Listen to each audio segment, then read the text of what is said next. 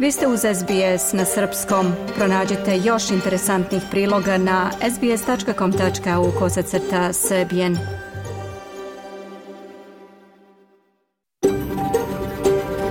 SBS, a world of difference. You're with SBS Serbian on mobile, online and on radio. Vi ste uz SBS na srpskom, na mobilnom, na internetu i na radiju. SBS odaje priznanje tradicionalnim vlasnicima zemlje sa koje danas emitujemo program na srpskom. Ovim izražavamo poštovanje prema narodu Kemriga ali njegovim prošlim i sadašnjim starešinama. Takođe odajemo priznanje tradicionalnim vlasnicima zemlje i svih aboriđinskih naroda i naroda ostrava Toresovog Moreuza na čijoj zemlji slušate naš program. Dobar dan, danas je četvrtak 1. februar 2024. Ja sam Branko Cvetojević. U današnjem programu odmah posle pregleda vesti govorit ćemo o odluci policije Novog Južnog Velsa da ponovo otvori nerasvetljeni slučaj ubistva Srbina iz Sidneja Radojka Đorđevića iz 1985. godine. Policija je ponudila pola miliona dolara za informacije koje bi pomogle u istrazi. Jedna od tema emisije biće i kriza stanovanja u Australiji u svetlu nedavno objavljenog podatka da je srednja vrednost zakupa nekretnina premašila rekordnih 600 dolara na nedeljnom nivou. O tema iz Srbije izdvajamo izveštaj sa godišnjeg sastanka ministra spoljnih poslova Ivice Dačića sa konzularnim predstavnicima drugih zemalja. Takođe, bit će više reči o dobitniku Ninove nagrade za roman godine Stevu Grabovcu. U segmentu emisije posvećenom nauci govorit ćemo o opasnosti koju po životno okruženje u morima i okeanima predstavlja plastični otpad. Muzika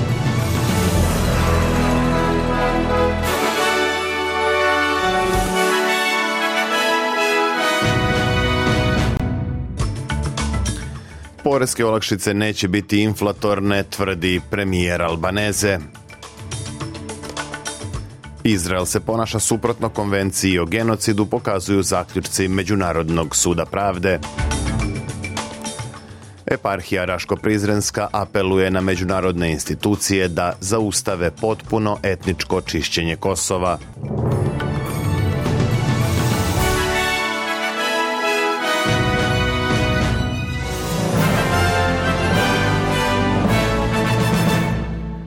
Savezni premijer Antoni Albaneze odbacio je navode da će veće smanjenje poreza za osobe s nižim i srednjim prihodima uticati na odlaganje snižavanja kamatnih stopa, kao i da će uzrokovati ekonomske posledice na duži vremenski rok.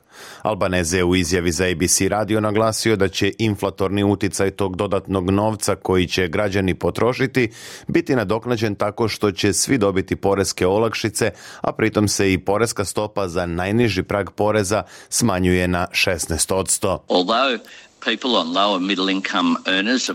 Albaneze je rekao da iako će građani s nižim srednjim prihodima imati više novca za trošak, što je jedan od razloga za poreske olakšice, oni neće imati luksus da taj novac ulože u ušteđevinu.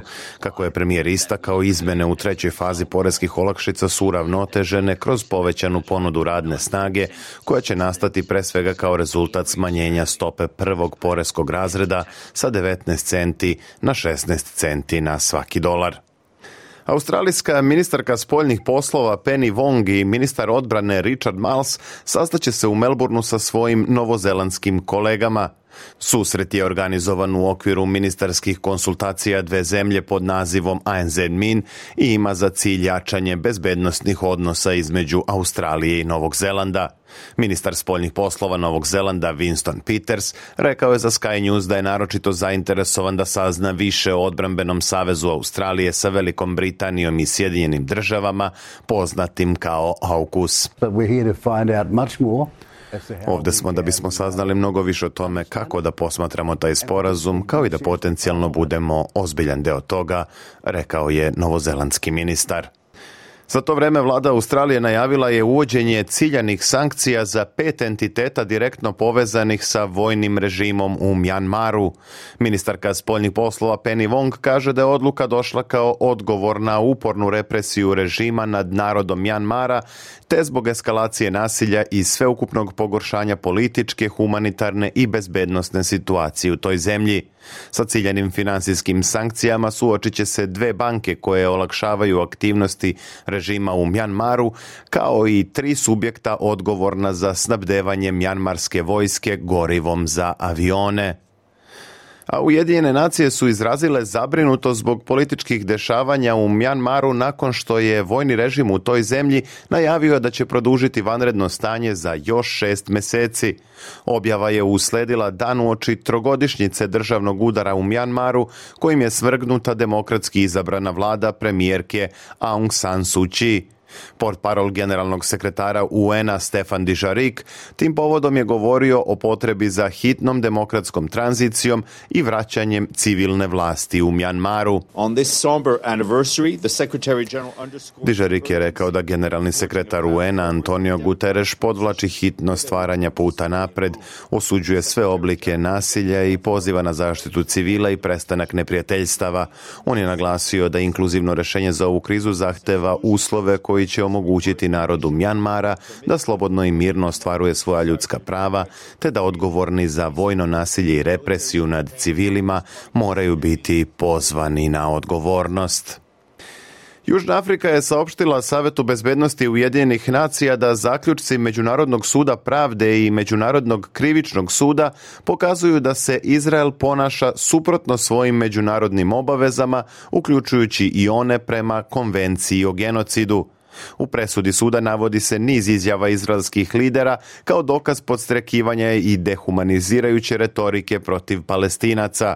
Južnoafrički ambasador pri UN-u Mathu Džoini rekao je da su akcije Izraela kojima smo svi svedoci u suprotnosti sa međunarodnim pravom, uključujući povelju UN-a, Ženevsku konvenciju i njene protokole. The actions that we are all witnessing daily Joanie je također naglasila da se isto odnosi i na napade i na kidnapovanja nevinih civila, čime je i Hamas također prekršio međunarodno pravo, kaže ona. S druge strane reagovao je zamenik izraelskog ambasadora pri UN-u Brett Jonathan Miller. Miller kaže da i sam pokušaj podizanja optužnice za genocid protiv Izraela nečuveno iskrivljavanje konvencije o genocidu. To je pokušaj da se umanji težina te reči koja ima jedinstvenu snagu i posebno značenje i da se sama konvencija pretvori u oruđe terorista koji preziru i živote i zakon koji je na strani onih koji pokušavaju da se brane od njih. Istovremeno palestinski ambasador Riyad Mansur kaže da je Međunarodni sud uputio odlučan ukor na tvrdnje da je slučaj genocida protiv Izraela neosnovan. Izraelski premijer Benjamin Netanjahu rekao je grupi ambasadora pri Ujedinjenim nacijama da se Hamas infiltrirao u redove glavnog pružaoca pomoći palestincima u Gazi i da to mora biti prekinuto. Kako tvrde izraelske vlasti, čak 12 zaposlenih u agenciji UN-a za palestinske izbeglice učestvovalo je u Hamasovim napadima 7. oktobra. Te optužbe iznelo još nekoliko zemalja, uključujući i Australiju, uz poziv da se zamrzne finansiranje finansiranje ove agencije koja je već otpustila devet radnika. Netanjahu je rekao da treba pronaći alternativnog pružaoca humanitarne pomoći. UNRWA is totally infiltrated. Hamas se potpuno infiltrirao u ovu službu Ujedinjenih nacija. Ovo kažem sa velikim žaljenjem jer se nadam da će postati objektivno i konstruktivno telo koje će ponuditi pomoć. Takvo telo nam je potrebno danas u Gazi, a UNAW nije to telo i mora biti zamenjeno organizacijom ili organizacijama koje će obavljati taj posao. Iz ove agencije UN-a koja zapošljava 13.000 radnika u Gazi poručuju da ne bi trebalo da budu kažnjeni za navodne radnje desetak zaposlenih.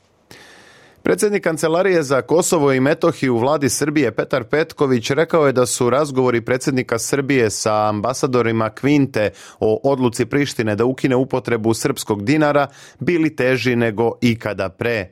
Svima je bilo jasno da je Albin Kurti glavni krivac, kazao je Petković i najavio da se u naredna dva dana očekuje obraćanje javnosti predsednika Vučića.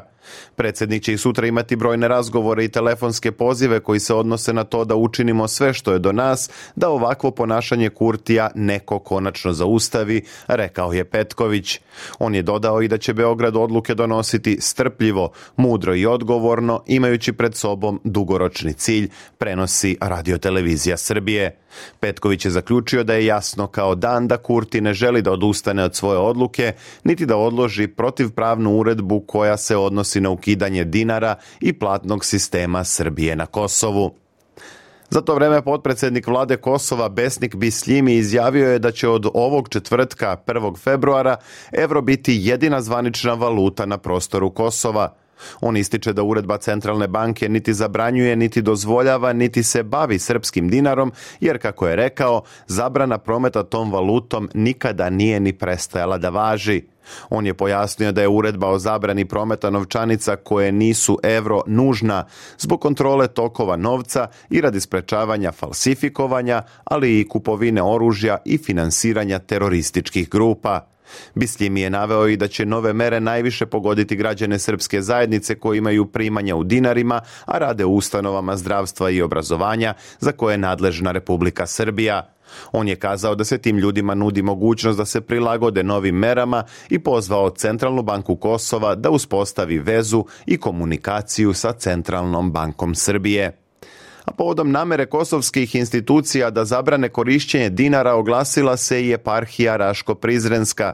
Iz eparhije apeluju na međunarodne institucije da zaustave Prištinu u, kako se navodi, potpunom etničkom čišćenju Kosova i Metohije.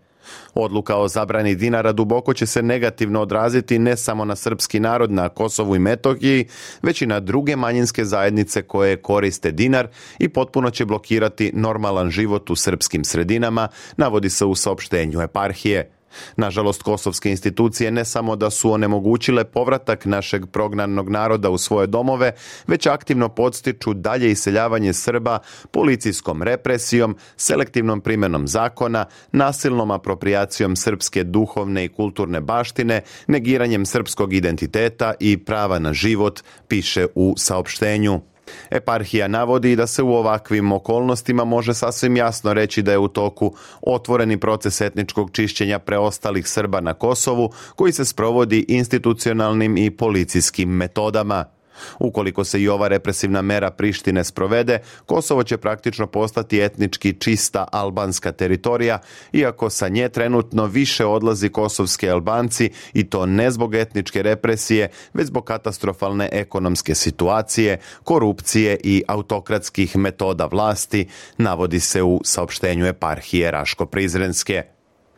Izvršni direktor kompanije Meta Mark Zuckerberg izvinio se porodicama koje su prisustvovale saslušanju o uticaju društvenih medija na decu koje je održano u američkom senatu.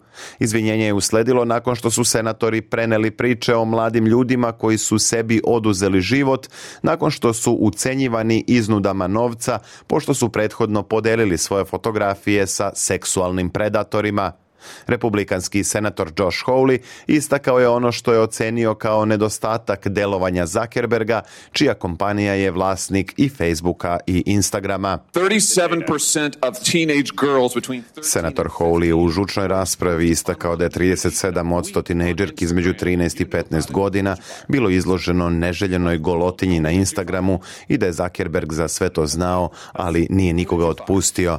Vlasnik Mete je pokušao da se odbrani rečima da se zbog zbog toga i prave svi dodatni alati za društvene mreže koji bi takve slučajeve sprečili.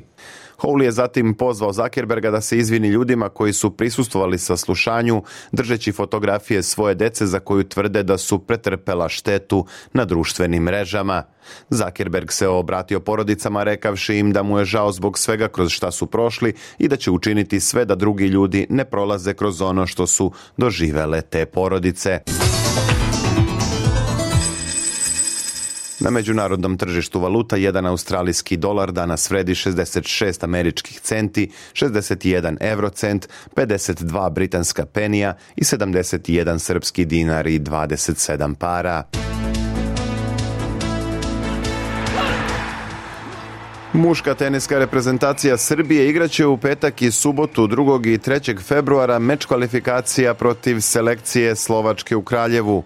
Selektor Davis Cup reprezentacije Srbije Viktor Trojicki ne može da računa na Novaka Đokovića koji se tek nedavno vratio iz Melburna, kao i na Hamada Međedovića koji neće igrati zbog prehlade.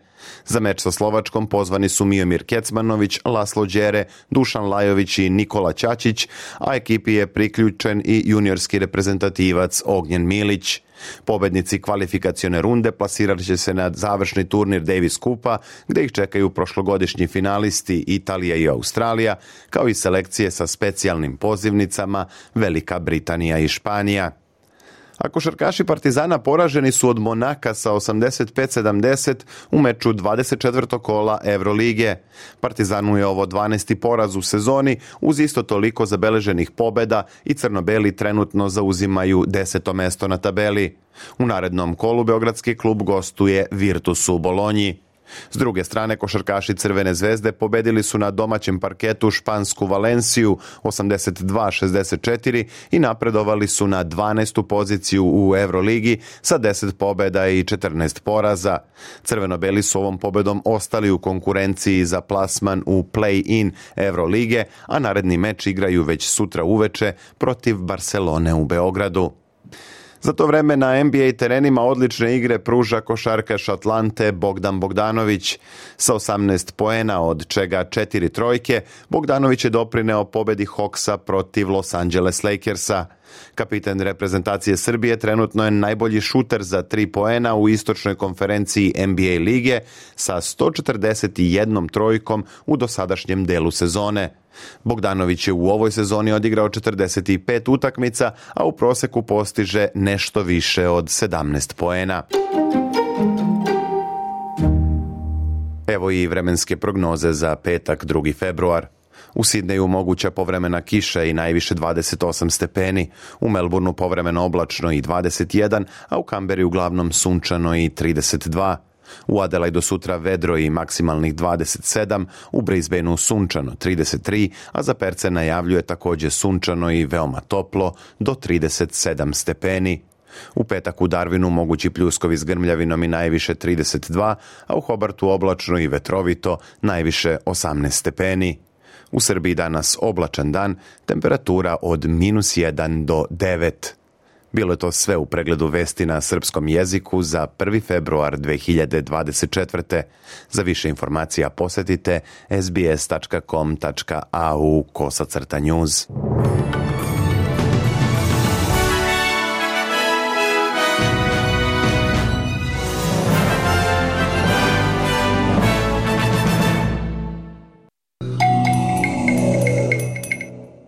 Slušate SBS na srpskom.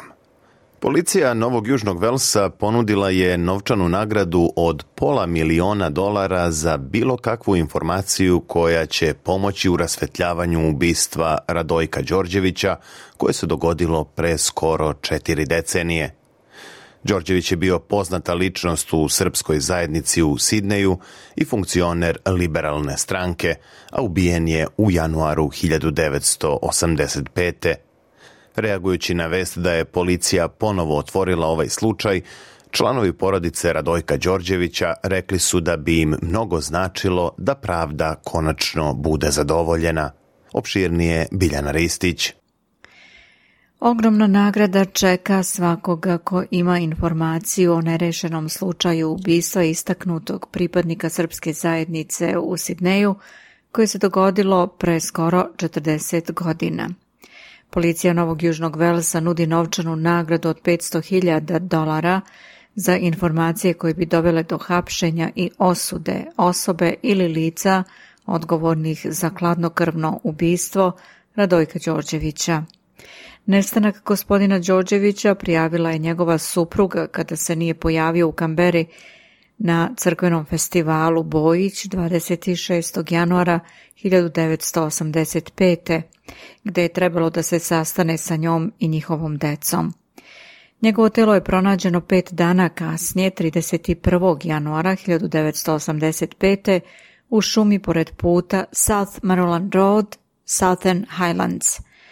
Vršilac dužnosti policijskog nadzornika, detektivka Virginia Gorman – kaže da je njegovo ubistvo možda imalo političku osnovu. As a prominent member of Western Sydney's Serbian community, he was president of the Free Serbian Orthodox Church. Kao istaknuti član srpske zajednice zapadnog Sidneja bio je predsjednik Slobodne srpske pravoslavne crkve i predsjednik ogranka liberalne partije Old Tugabi, a policija veruje da je možda bilo političke motivacije za njegovo ubistvo. Gospodin Đorđević je rođen 1937. i bio je dete za vreme drugog svetskog rata, a kasnije je emigrirao u Australiju. U vreme njegovog ubistva Jugoslavija, koja je uključivala današnju Hrvatsku, Srbiju i druge balkanske države, bila je u procesu fragmentacija, sukobi unutar australijske srpske zajednice nisu bili neobičajeni. Komandir Odeljenja za istraživanje ubistava i vršilac dužnosti nadzornika Virginia Gorman kaže da je gospodin Đorđević bio umešan u borbu za vlast koja je možda dovela do njegovog ubistva. The investigations at the time and subsequently by the unsolved homicide units would indicate that there were political power struggles within Serbian organisations in New South Wales. Istrage u to vreme, a potom i istrage jedinice za nerešena ubistva ukazuju na to da su vođene borbe za političku moć unutar srpskih organizacija u Novom Južnom Velsu. Gospodin Đorđević je bio istaknuti član te zajednice i postojao je određeni stepen sukoba unutar tih organizacija. U osnovi reč o kontrolisanju i usmeravanju tih organizacija, kaže gospođa Gorman. 2003. godine istražni detektivi uhapsili su i optužili sada već pokojnog 49-godišnjeg muškarca za to ubistvo, međutim on je kasnije oslobođen. Virginia Gorman kaže da iako se ubistvo desilo pre mnogo godina, detektivi ipak nisu odustali od namere da pronađu odgovorne. Ona veruje da će dug vremenski period od unutrašnjeg sukoba koji je možda doveo do njegove smrti, nove svedoke da se jave. It's an unsolved matter. 39 years since this occurred. Members of the family are getting older. Members of the public who might have information about this are also getting older. It's also a long time since then. So at a time like now, you offer a reward. It might be the time when we're really a long way distance from those, those internal conflicts that maybe people will now be happier to talk To je nerešena stvar već 39 godina. Otkako se to desilo, članovi porodice postaju stariji kao i članovi zajednice koji možda imaju informacije o tom slučaju. Također, pošto je prošlo dosta vremena od tada u trenutku kao što je sadašnji, možete ponuditi nagradu zato što su se ti unutrašnji sukobi dešavali jako davno i možda će sada ljudi rado pričati o tome šta se dešavalo u to vreme i ko je možda bio uključen ili bi možda mogli da daju bilo kakve informacije koje bi se odnosile na ovaj slučaj. Čak ako su te informacije na izgled minorne, one su veoma važne. Danas pokušavamo da njegovoj porodici damo neke odgovore. Apelujemo na sve koji imaju informacije da se jave policiji i posjećam da se informacije mogu dati anonimno, kaže gospođa Gorman. Čirka gospodina Đorđevića, Gana Đorđević, kaže da se nada da bi nagrada mogla da inspiriše bilo koga ko nešto zna, da istupi. I had just turned 21 when her father was brutally bashed and then shot three times. My brother Dragan was 19, Milan was 13, and Miladin was 10. I am 60 now, and we are desperately still seeking closure to the continuous grief and suffering. Bila napunila 21 godinu kada je naš otac bio brutalno pretučen, zatim upucan tri puta. Moj brat Dragan je imao 19 godina, Milan 13, a Miladin 10 godina. Sada imam 60 godina. a mi očajnički još uvek tražimo odgovore, neprekidno tugujemo i izloženi smo patnjama i nesigurnošću, što je sve izazvano smrću mog oca. Hapšenje bi značilo da naš otac nije umro ni za šta, rekla je Gana Đorđević. Piše Omog Belo za SBS News. Ja sam Biljana Ristić.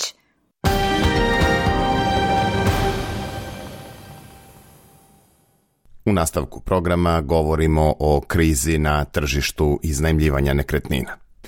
Rekordno visoke cene zakupa nekretnina u Australiji dovele su do toga da mnogi podstanari moraju da žrtvuju razne svoje potrebe i navike kako bi mogli da izdvoje novac neophodan za krov nad glavom. Takođe, nadležni iz socijalnih službi pozivaju vladu da brzo reaguje na smirivanju krize stanovanja i rastućih troškova života koji su neke građane doveli na ivicu egzistencije, pa čak i do beskućništva. Najnoviji podaci koje je objavila kompanija CoreLogic pokazuju vrtoglavi rast izdataka za domaćinstva i pojedince koji žive u iznajmljenim stanovima i kućama. Gledano na nacionalnom nivou, podstanari samo na ime zakupa sada plaćaju srednji iznos od 31.252 dolara godišnje. U izveštaju se kaže da je smanjenje ponude socijalnih stanova tokom godina, kao i pad stope vlasništva nad stambenim nekretninama, povećao pritisak na tržište iznajmljivanja. Šef odeljenja za stambena istraživanja u CoreLogicu Eliza Oven navodi niz faktora koji su doprineli povećanju cena zakupa. Oven kaže da je mnogo različitih razloga doprinelo velikom rastu kirija od kraja 2020. Između ostalog tu se ubraja smanjenje prosečne veličine domaćinstva tokom pandemije, delimično izazvano i smanjenjem udela nekretnina koje zajedno iznajmljuje više pojedinaca ili parova. Takođe, otvaranjem granica članica došlo je do brzog porasta australijske populacije od kraja 2022 a i deo investitora je počeo da izlazi sa tržišta u proteklih godinu dana zbog rastućih kamatnih stopa na kredite. Od tada do danas broj investicija se oporavio što će doprineti povećanju ponude, ali to je još uvek dosta daleko u odnosu na postojeći nivo potražnje za iznajmljivanjem nekretnina, kaže Eliza Oven, Prema izveštaju Core CoreLogica, srednja vrednost zakupnine porasla je u odnosu na avgust 2020. za 164 dolara nedeljno, na rekordnih 601 dolar u decembru 2023.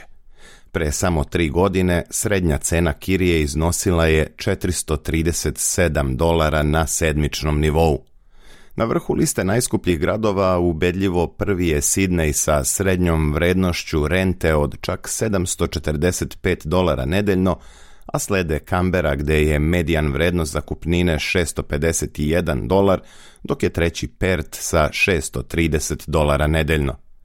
Takođe, porastao je i udeo bruto srednjeg prihoda domaćinstva koji je potreban za plaćanje stanarine i to sa 26,7% u martu 2020. na skoro jednu trećinu od ukupnih prihoda u septembru prošle godine. Izvršni direktor Unije podstanara Novog Južnog Velsa Leo Patterson Ross kaže da je zakupcima najveći trošak koji imaju upravo Kirija. Uh, Pored toga što je zakupnina najveći od svih troškova života za podstanare takođe je i najmanje moguće uštedeti na Kiriji. Naime, u mnogim drugim oblastima možete da smanjite svoju potrošnju tako što ćete recimo kupovati manje namirnica ili promeniti prodavnicu u kojoj se snabdevate. Kirija je poslednja stvar koju ljudi mogu da prestanu da plaćaju i zato žrtvuju druge sfere života. To se naročito odnosi na odrasle koji će možda i preskakati obroke kako bi njihova deca imala da jedu. Takođe, ljudi smanjuju troškove zdravstvene zaštite da bi uštedeli za kiriju i preživeli ovu krizu, kaže Ross. S druge strane, Liza Oven dodaje i da će verovatno biti potrebno neko vreme da bi se rešila kriza na tržištu iznajmljivanja. Because this is a problem that's emerged from decades of Um, Oven objašnjava da je ovaj problem nastao zbog decenija nedovoljne ponude socijalnih stanova i stopa posjedovanja nekretnina, što je stvorilo dodatni dugoročni pritisak na privatno tržište iznajmljivanja.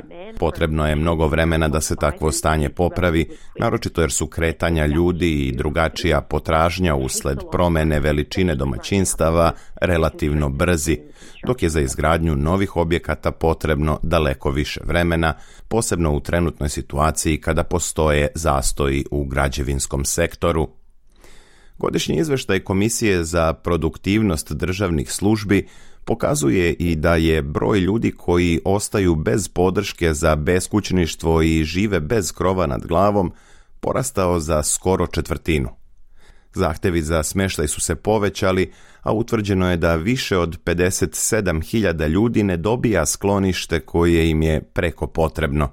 Zbog ovakvih podataka organizacija Homelessness Australia pozvala je premijera Anthony Albanezea i njegovu vladu da pruže bolju podršku ljudima koji sebi ne mogu da priušte smeštaj. Inače, Savezna vlada je u septembru prošle godine izdvojila 10 milijardi dolara iz budžeta za fond Housing Australia Future Fund i za nacionalni sporazum o stanovanju koji je trebalo da obezbedi 40.000 socijalnih i pristupačnih domova za iznajmljivanje. Izvršna direktorka organizacije za beskućništvo Homelessness Australia, Kate Colvin, kaže da trenutno nema dovoljno resursa da bi se pružila pomoć svima kojima je potrebna. Ona naglašava da je neophodno značajno povećanje finansiranja kako bi pružaoci usluga za beskućnike mogli da izađu u susret svima kojima je neophodna hitna pomoć u obezbeđivanju krova nad glavom.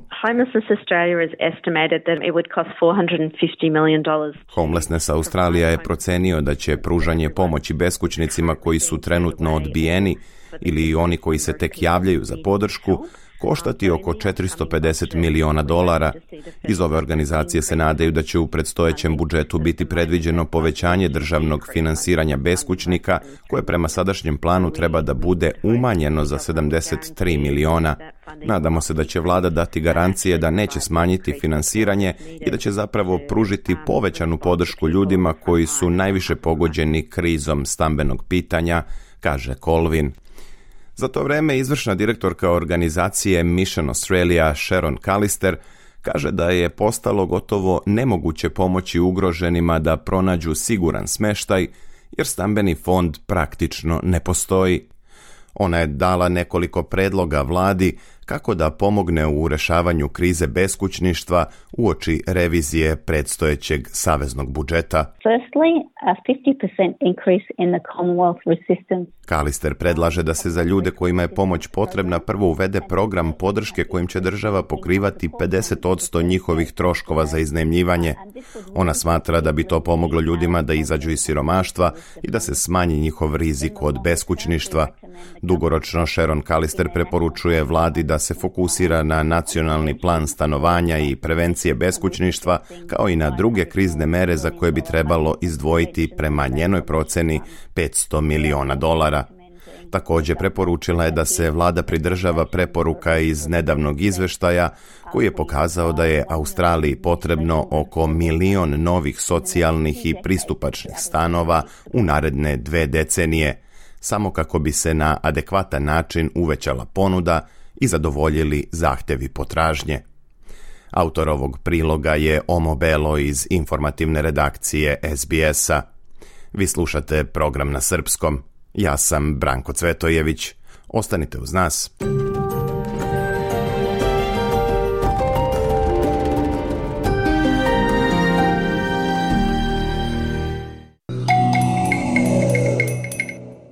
Slušate SBS na srpskom. Prvi potpredsednik tehničke vlade i ministar spoljnih poslova Srbije Ivica Dačić održao je godišnji sastanak sa konzularnim predstavnicima akreditovanim u Republici Srbiji. Na sastanku je prisustvovalo oko 70 konzularnih predstavnika iz celog sveta, a vladina kancelarija za informacione tehnologije upoznala je strane diplomate sa planovima za pokretanje jedinstvene platforme koja će omogućiti objedinjen pristup uslugama namenjenim stranim državljanima u Srbiji. Iz Beograda izveštava Hranislav Nikolić. U Ministarstvu spoljnih poslova u Beogradu utorak je održan godišnji sastanak sa konzularnim predstavnicima akreditovanim u našoj zemlji.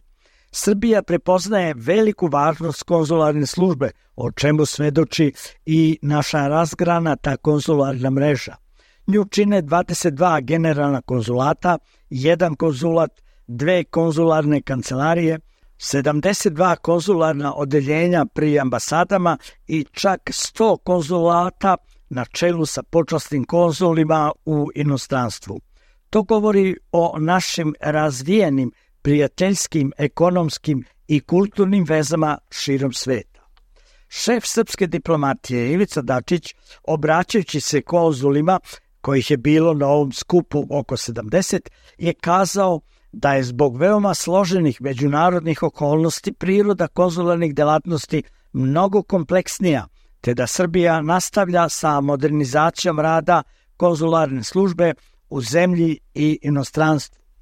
Svesni uloge i značaja rada konzularnih službi, i ove godine smo organizovali okupljanje stranih konzularnih predstavnika u Republici Srbiji – u nastojanju da ovakvi skupovi postanu svojevrsna tradicija.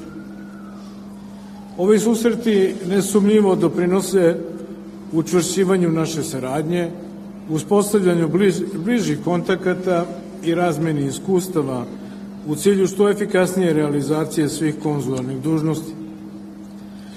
Budete uvereni da vam Ministarstvo spoljnih poslova, ali i sve druge institucije Republike Srbije stoje na raspolaganju za svaku vrstu pomoći u vašem radu. Svi vi koji ste se opredelili za rad u konzularnoj službi, dobro znate koliko je posvećenosti i odgovornosti potrebno za uspešno obavljanje konzularnih zadataka. Takođe, ministar Dačić je pomenuo važnu novinu u domenu vizne politike koja se odnosi na uvođenje instituta vize u elektronskom formatu, a koje očekujemo tokom ove godine. Zatim je nastavio. Uveravam vas da ćete u Ministarstvu spoljnih poslova Republike Srbije uvek imati pouzdanog i kredibilnog sagovornika, podršku i sigurnog partnera po svim pitanjima. Želim vam puno sreće na ličnom i profesionalnom planu i da vam boravak i rad u našoj Srbiji bude najlepši period profesionalne karijere ali i nezaboravna lična uspomena. Na kraju svoje obraćanje bih želeo da zaključim izrazima duboke zahvalnosti svim zaposlenima u sektoru za konzularne poslove Ministarstva spoljnih poslova Republike Srbije, kao i u našim diplomatsko-konzularnim predstavništvima na posvećenom, odgovornom i marljivom radu. Zamenica direktora Kancelarije vlade Srbije za informacione tehnologije i elektronsku upravu Biljana Marić upoznala je konzularne predstavnike sa planovima za pokretanje jedinstvene platforme koja će pružiti mogućnost objedinjenog pristupa uslugama namenjenim stranim državljanima. Kao što je poznato, Srbija u Australiji ima ambasadu u Kamberi, generalni konzulat u Sidneju i konzulat u Pertu sa počasnim konzulom. Iz Beograda za SBS, Hranislav Nikolić. Slušajte SBS na srpskom, na mobilnom, na internetu i na radiju. U Briselu je posle duže pauze održana 15. konferencija između Evropske unije i Crne Gore. Na konferenciji je zaključeno da su napravljeni veliki koraci u prethodnom periodu, ali da je pred Crnom Gorom još mnogo posla na putu ka pridruživanju Uniji. Opširnije u izveštaju naše saradnice Milice Delibašić. Međuvladina konferencija jasna je poruka političke volje da Crna Gora postane članica Evropske unije. Poručeno je sa sastanka Crnogorske sa delegacijom Evropske unije u Briselu. Međuvladina konferencija Crne Gore i Evropske unije 15. po redu održana je u ponedjeljak u Briselu. Predsjednik vlade Crne Gore Milojko Spajić ocijenio je da je to bio veliki dan jer su vidjeli priznanje za sve napore i rezultate koje je crnogorska vlada postigla u relativno kratkom periodu. all the results we have achieved U relativno kratkom periodu postigli smo uh, mnogo, to je samo dva i po mjeseca i samo smo zagrabali uh, površinu. Kao što vi imate velike uh, očekivanja od nas, imamo i mi visoka očekivanja od Evropske unije. Kao izvršna vlast dobili smo vruć krompir u ruke, došli smo na vlast kada je mnogo toga bilo blokirano, poput pitanja o pravosuđu, ali uspjeli smo to da riješimo. Vidimo i jedinstvo u društvu, manje podjela, ali i pozitivne signale iz opozicije. Ujedinjeno čekamo da se dese da snažne reforme.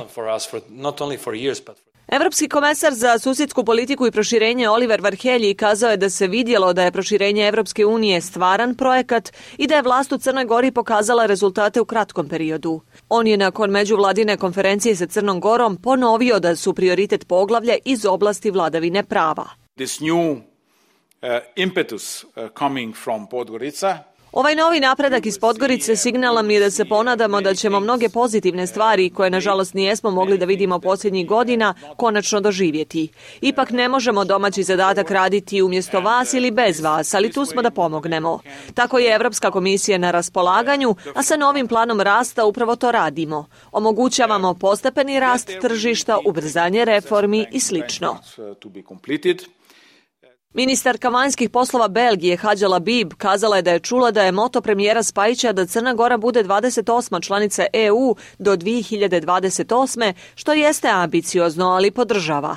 Spajić, koji je obećao da će preći cilj do 2028. svoj optimizam pripisuje i skoro sedmogodišnjem članstvu Crne Gore u NATO-u, kao i odsustvu tenzija u regionu koje je prije jednog vijeka bilo poznat kao bure baruta. Želimo da budemo dio Evrope u svim oblicima, rekao je Spajić u intervju za Politiko. Biće to snažna poruka cijelom regionu da je Crna Gora voće na niskim granama, laka meta za Evropsku uniju, kaže Spajić. Crna Gora je među pet zemalja kandidata za članstvo u EU na Zapadnom Balkanu, pored Albanije, Bosne i Hercegovine, Sjeverne Makedonije i Srbije. Pored Crne Gore, dvije druge države koje su prednjačile među balkanskim zemljama u generalno dugotrajnom procesu pridruživanja EU, Albanija i Sjeverna Makedonija, imaju više od 2 miliona stanovnika. Iz Podgorice za SBS na Srpskom, Milica Delibašić. SBS na Srpskom. Podelimo priče na Facebook stranici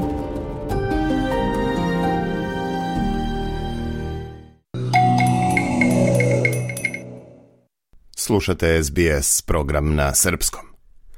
Novi podaci o zagađenju plastikom u australijskim morskim vodama, koji su prikupljeni kroz građanska naučna istraživanja, pokazuju da plastika predstavlja preko tri četvrtine otpada prikupljenog iz gradskih vodotokova i slivova na prostorima cele Australije. Rezultate ovih nalaza sakupili su organizacija Conservation Volunteers Australia i CSIRO, državna institucija za naučna i industrijska istraživanja. Do kakvih su saznanja došli, čućemo u narednom prilogu. Uprkos naporima da se smanji upotreba plastike, naučna istraživanja pokazuju da je upravo plastični otpad i dalje najčešći oblik smeća koje završava u morskom okruženju. Naime, plastika čini 79% otpada u vodotokovima širom Australije sa izuzetkom severne teritorije. Uprkos ovakvim podacima, ipak se stiče utisak da postepeno ukidanje plastičnih proizvoda za jednokratnu upotrebu počinje da daje rezultate. Izvršni direktor organizacije Conservation Volunteers Australia, Phil Harrison, objašnjava šta je najpotrebnije preduzeti da bi se ovaj vid zagađenja značajnije smanjio. Dobra vest je da uočavamo da inicijative kao što je zabrana plastike za jednokratnu upotrebu poput pribora za jelo i kutija za pakovanje hrane počinju da stupaju na snagu i ti predmeti predstavljaju sve manji udeo u ukupnom otpadu. Međutim, postoje i predmeti koje svakodnevno koristimo u našim domovima, poput plastičnih flaša flaša i ambalaže za pakovanje hrane koji su izuzetno ukorenjeni u upotrebi među najčešće sastojke đubreta, kaže Harrison i dodaje da po tom pitanju treba preduzeti konkretne korake. Podaci do kojih su došli naučnici zasnovani su na otpadu koji je u poslednje tri godine prikupilo više od 16.000 građana, 150 društvenih organizacija i 50 kompanija. Prikupljanje otpada je obavljeno u devet glavnih urbanih plovnih puteva i slivova koji se ulivaju u more kod velikog koralnog grebena i južnog grebena. Phil Harrison kaže da je izuzetno važno analizirati izvore i vrste plastike koja uzrokuje najviše problema. We've worked with communities across Australia Sarađivali smo sa zajednicama širom Australije i prikupili smo preko 400.000 komada morskog otpada koji smo zatim analizirali. To su ključni podaci za ovo istraživanje jer moramo da razumemo odakle dolazi tolika plastika. Naučna analiza je pokazala da većinu plastičnog otpada koji završi u vodenim tokovima čine ambalaža za hranu, stiropor, plastični čepovi za flaše, i mali komadi tvrde i meke mikroplastike.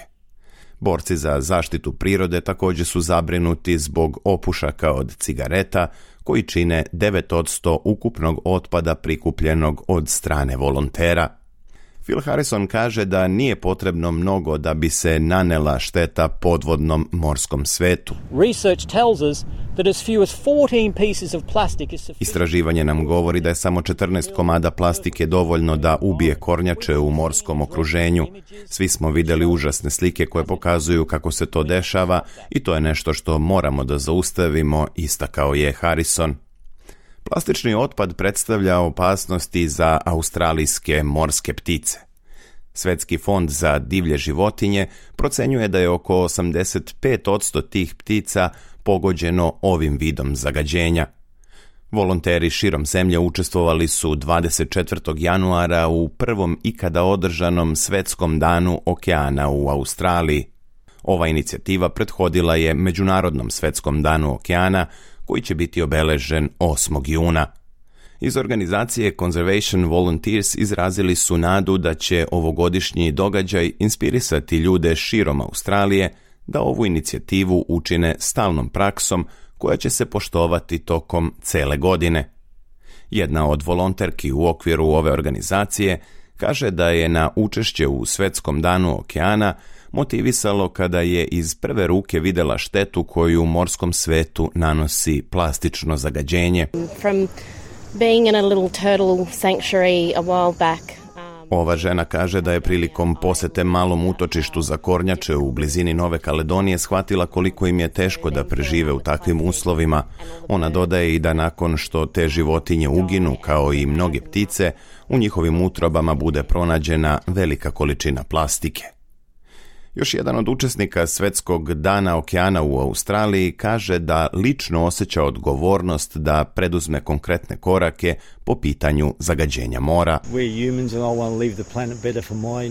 Mi ljudi bi trebalo da se potrudimo da ostavimo ovu planetu boljom za našu decu i naredne generacije. Imamo odgovornost da to učinimo i da zaštitimo prirodu koliko možemo i da što manje utičemo na njeno zagađenje. Analiza koju je sprovela organizacija Conservation Volunteers takođe se bavi udelom plastičnog zagađenja u glavnim pritokama okeana po gradovima. Najmanju količinu plastike u svom otpadu ima Pert oko 61%, dok se u Sidneju ovaj procenat penje na čak 91% udela. Phil Harrison kaže da je organizacija koju on vodi razvila resurse u saradnji sa CSIRO kako bi pomogla Australijancima da lakše sprovedu reviziju svog kućnog otpada.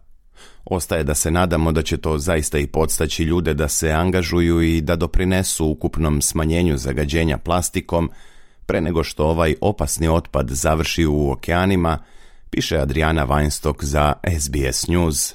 Ja sam Branko Cvetojević. Ostanite uz program na srpskom.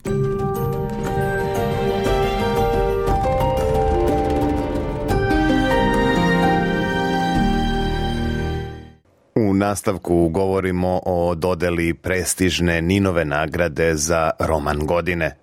Dobitnik priznanja za 2023. je Stevo Grabovac, pisac iz Bosanskog broda koji živi i radi u Banja Luci.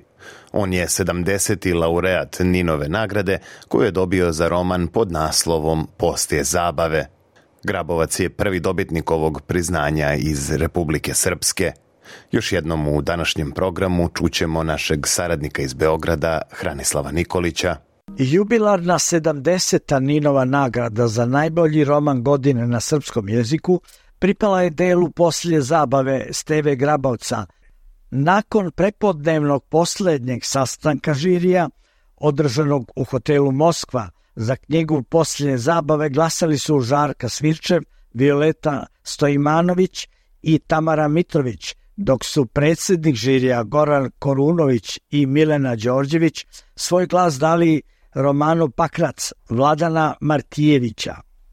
U najužem izboru za Ninovu nagradu bili su i Vladimir Pištalo za roman Pesma o tri sveta, Srđan Srdić, Autosekcija i Ljubomir Koračević u zemlji Franje Josifa.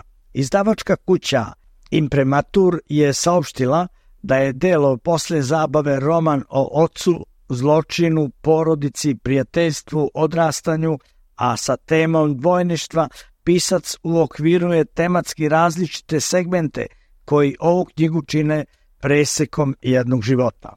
Odluku žirija pročitao je Kolunović. On je rekao da je poslije zabave roman stilski raznovrstnog izraza. Pripovedač kroz obledalo traume preskočene generacije traga za zaboravljenom i napuštenom decom. Potraga je snažno emotivno obojna. U svom obraćanju novinarima i prisutnima Grabovac se zahvalio žiriju na ukazanom poverenju i časti da dobije Ninovu nagradu. Zatim je kazao Uh, želio bih da se zahvalim prije svega Ninovom žiriju na ukazanom povjerenju. Uh, čast mi je što su to poverenje ukazali meni. A, e, vjerovatno još uvijek ne mogu sasvim da skupim sve svoje utiske. A, e, iskreno nisam mogao da imam nikakva očekivanja, nikakva preterana, preterana nadanja, ali eto sada kada sam ovdje, još uvijek pokušavam da slegnem utiske, uglavnom jedino još uvijek što mogu da kažem jeste jako sam zahvalan Ninovom žiriju što mi je ukazao ovu čast i ovo povjerenje čast je svakako biti ovdje. Ovaj moj roman stvarno govori o jednom, o jednom strašnom zločinu, ali taj zločin je samo jedan centar, jedna, hajde da kažemo, jezgra oko koje se vrti čitav niz drugih priča. Tu, tu je priča o porodici, priča o, o, na neki način priča o odrastanju, priča o Priča o pisanju, prije svega priča o pisanju, o pokušaju pisanja recimo romana o jednom takvom zločinu, o događajima koji su pratili mog pripovedača u jednom širokom vremenskom rasponu, gdje on pokušava da na neki način posloži kockice svih tih dešavanja i samim tim da posloži kockice svog života. Govori istovremeno i o dugogodišnjim prijateljstvima, o, o stvarima koje koje vuku svoje korijene još u vremenu od prije rata. Tako da ima tu mnoštvo stvari, ima tu i nekih trilerskih momenta i svega.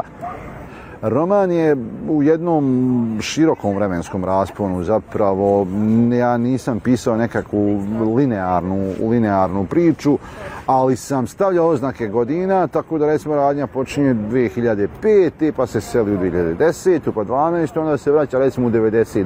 godinu. Jeste vezan za područje, tačnije vezan je za područje Bosanske Posavine, vezan je za jedan stvarni zločin koji se zaista desio i koji je nažalost desio se u ratu, ali nema veze sa ratom. Ja to uvijek volim da napomenem jer ne želim da se izvlači iz konteksta i da se tvrdi da je ovo ratni roman. Ovo nije ratni roman, nesreća koja se desila, desila se samo u tom periodu i upravo je zbog toga i zaboravljena. Zaboravljena jer nije bila interesantna ni jednoj od tri zaraćene strane i to je zapravo i problem zašto sam ja uopšte i pisao tu priču. Nisam je pisao kao bilo kakvu nacionalističku priču ili kao nekakvu osuđivačku priču koja ima bilo, kakve, bilo kakvu političku konotaciju.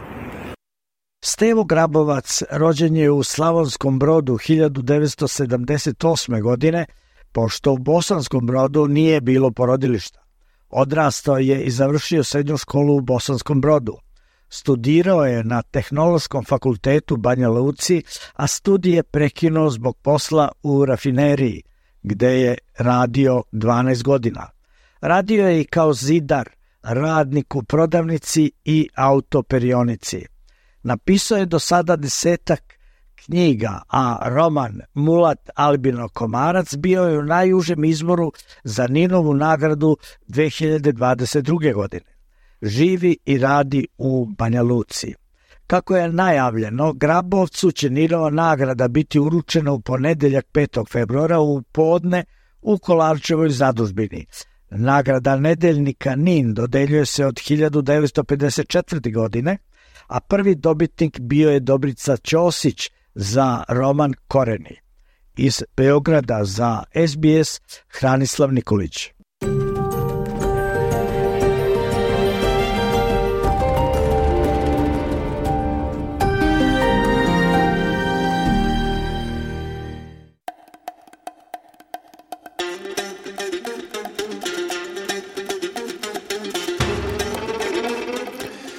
I bilo bi to sve za danas.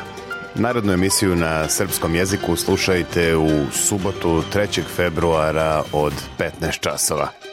Do tada naš program možete pratiti uživo ili na zahtev putem internet stranice sbs.com.au kosacrta srbijen ili na mobilnoj aplikaciji SBS Audio koju možete preuzeti besplatno. Družite se sa nama i na Facebooku gde ćete pronaći najznačajnije informacije, intervjue i reportaže iz našeg programa. Moje ime je Branko Cvetojević.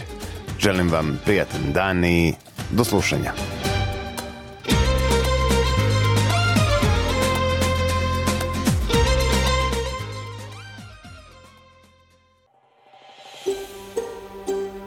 Želite da čujete još priča poput ove? Slušajte nas na Apple Podcast, Google Podcast, Spotify ili odakle god slušate podcast.